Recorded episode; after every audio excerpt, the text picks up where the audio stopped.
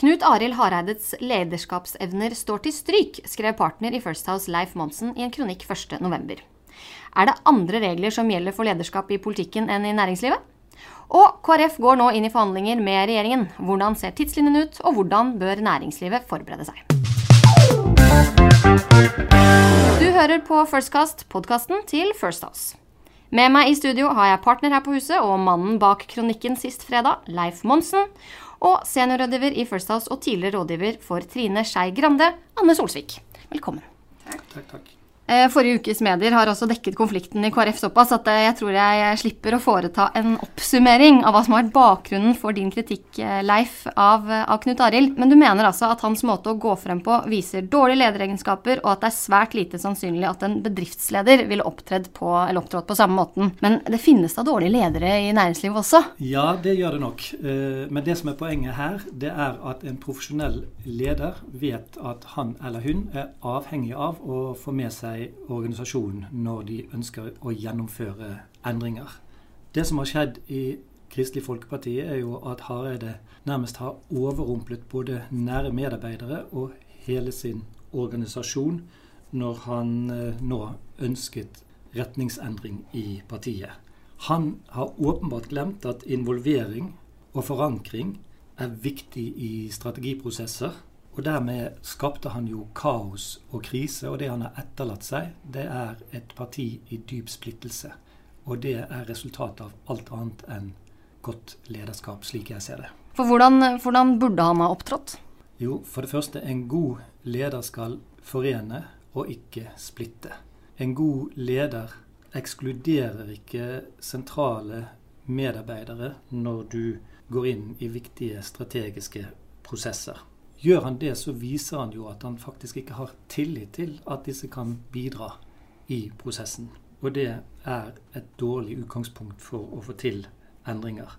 Det Hareide burde ha gjort, først og fremst, det var å, bevilge, å bevilge seg bedre tid til, så, til, et så viktig tema og til en så krevende prosess. Dette handler jo på mange måter om at uh, forberedelse og hjemmelekse er helt avgjørende for å skape endring. Han burde ha involvert flere i sitt uh, prosjekt. For endringer av så stort format som det her er snakk om, det krever en vel forberedt prosess der flere må få bidra med innspill og analyse, slik at du får et godt beslutningsgrunnlag. Mm. Så Det er det ene. Det andre er jo også at det må være, må være forutsigbarhet om spillereglene og behandlingen av et så viktig tema. Og her fikk jo vi inntrykk av at spillereglene ble endret underveis, og det bidrar jo heller ikke til å skape tillit til prosessen. Og det forsterker på mange måter også splittelsen, sånn som, som slik vi opplevde i, i, i, denne saken. Og han burde altså da ikke ha hastet frem slik han gjorde. Han burde ha bevilget seg bedre tid, eh, slik at organisasjonen kunne få en eh, mer, kall det, forsvarlig og grundig behandling av et så viktig tema. Eh, men hva tenker dere nå da om at KrF nå står med en leder som da har gitt sin oppsigelse, men egentlig ikke, ikke fra, fratrer likevel. Hvordan blir det? Nei, det jo eh, Det blir jo sikkert eh, betrakta med stor undring for oss eh, på utsiden. Det interessante internt i, et parti er det at valgene er ikke gjort før valgene faktisk er gjennomført. Og det er jo da kort blir delt ut på nytt i partisammenheng. Og det er kanskje den store forskjellen. Mye av det som Leif er inne på her for, næringslivet kontra politikken. Det handler sykluser i, partiene. Du har valget på en måte ja, hvert andre år, men hvert fjerde år til de forskjellige institusjonene. Du har valgrytmer internt i partiene. Og, og, vi er jo egentlig ikke kommet dit at de faktisk har satt en dato for Knut Arild. Så det gir jo han nye muligheter for å gjøre litt om på spillereglene, eh, se muligheter som, som kan oppstå.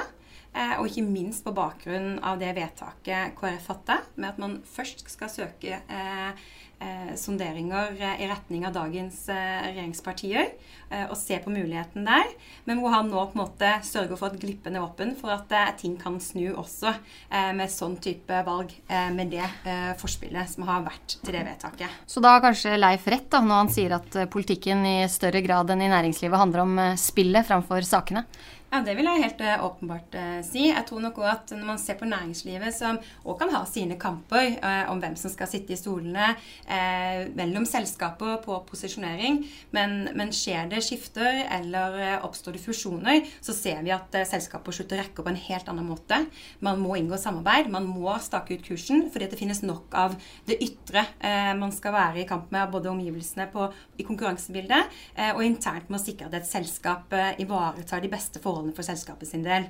Mens i partiene så har man eh, andre typer mekanismer som slår inn. Eh, der som jeg tror at mest sannsynlig man ser at kanskje Knut Arild Hareide vil overvurdere sin egen posisjon, det er at fra den entusiasmen han skapte, som partiet sårt trengte når, eh, når, han holdt sin tale i slutten av september, eh, har han bundet veldig mye opp til han som person. Eh, I partier så er man nå vant med at eh, personer kan skiftes, men organisasjonen skal holde frem, eh, den ideologiske plattformen skal ligge der, stortingsvalgprogram skal oppfylles, valgløfter skal gjennomføres. Du har utrolig mye mer annet enn de enkeltpersonene det er snakk om. Man er vant med å miste personer ut av politikken, og nye kommer til. men man ivaretar retningsvalget for et parti.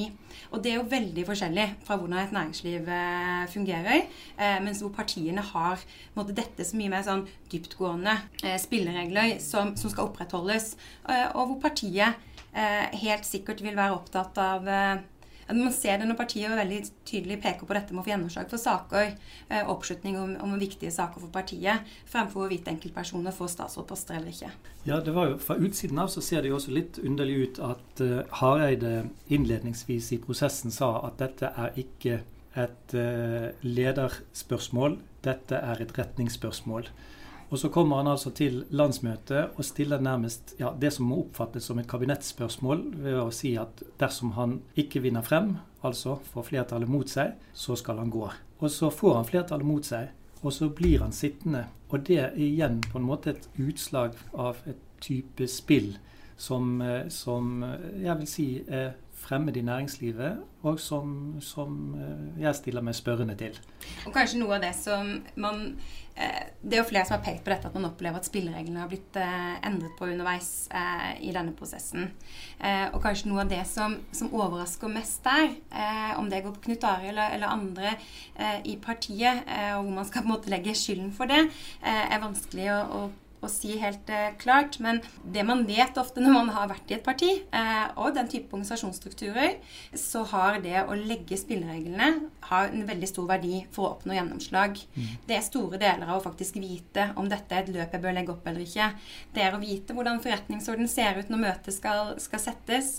Det er å vite hvordan vedtektene vil regulere det du legger fram av forslag har mye å si. Her virker det ikke som at det var helt gjennomtenkt, og det kan sikkert være flere som burde ha tenkt på det i starten. Eh, men når organisasjonen eh, opplever det den gjør, med endringer underveis på denne måten, og til og med en partileder som tillater seg å gjøre de endringene, så mister du òg mye av både eh, farten og entusiasmen kanskje for prosjektet, og det blir mer krevende for organisasjonen å tåle det man skal gjennom òg. Og nå ser vi jo at, eh, at Knut Arilds rolle kommer eh, kanskje til å spille inn også i forhandlingene med, med, med ny plattform eller, eller, ny regjering. For hvordan er det nå? Skal det forhandles på bakgrunn av Jeløya-plattformen, eller blir det lagd en helt ny plattform? Hva, hva kan vi forvente oss nå?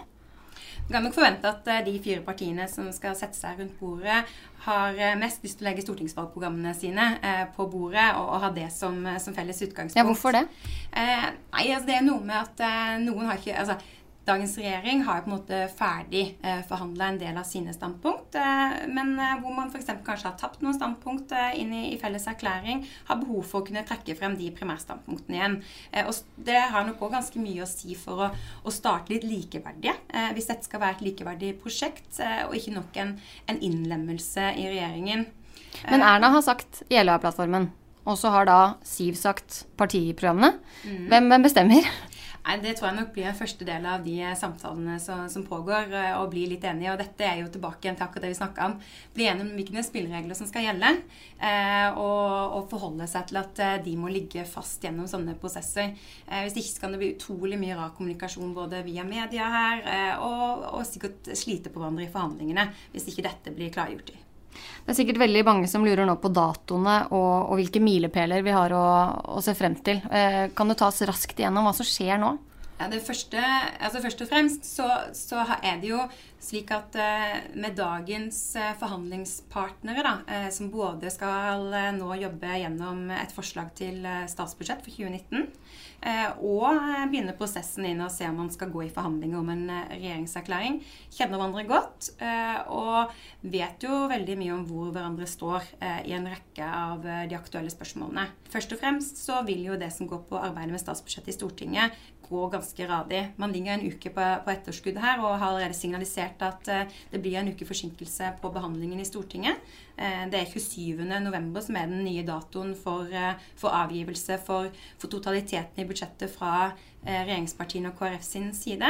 Og mye tilsier jo at det er noe man kan klare å, å opprettholde, og at det er gjennomførbart for å gjøre det på en forsvarlig måte.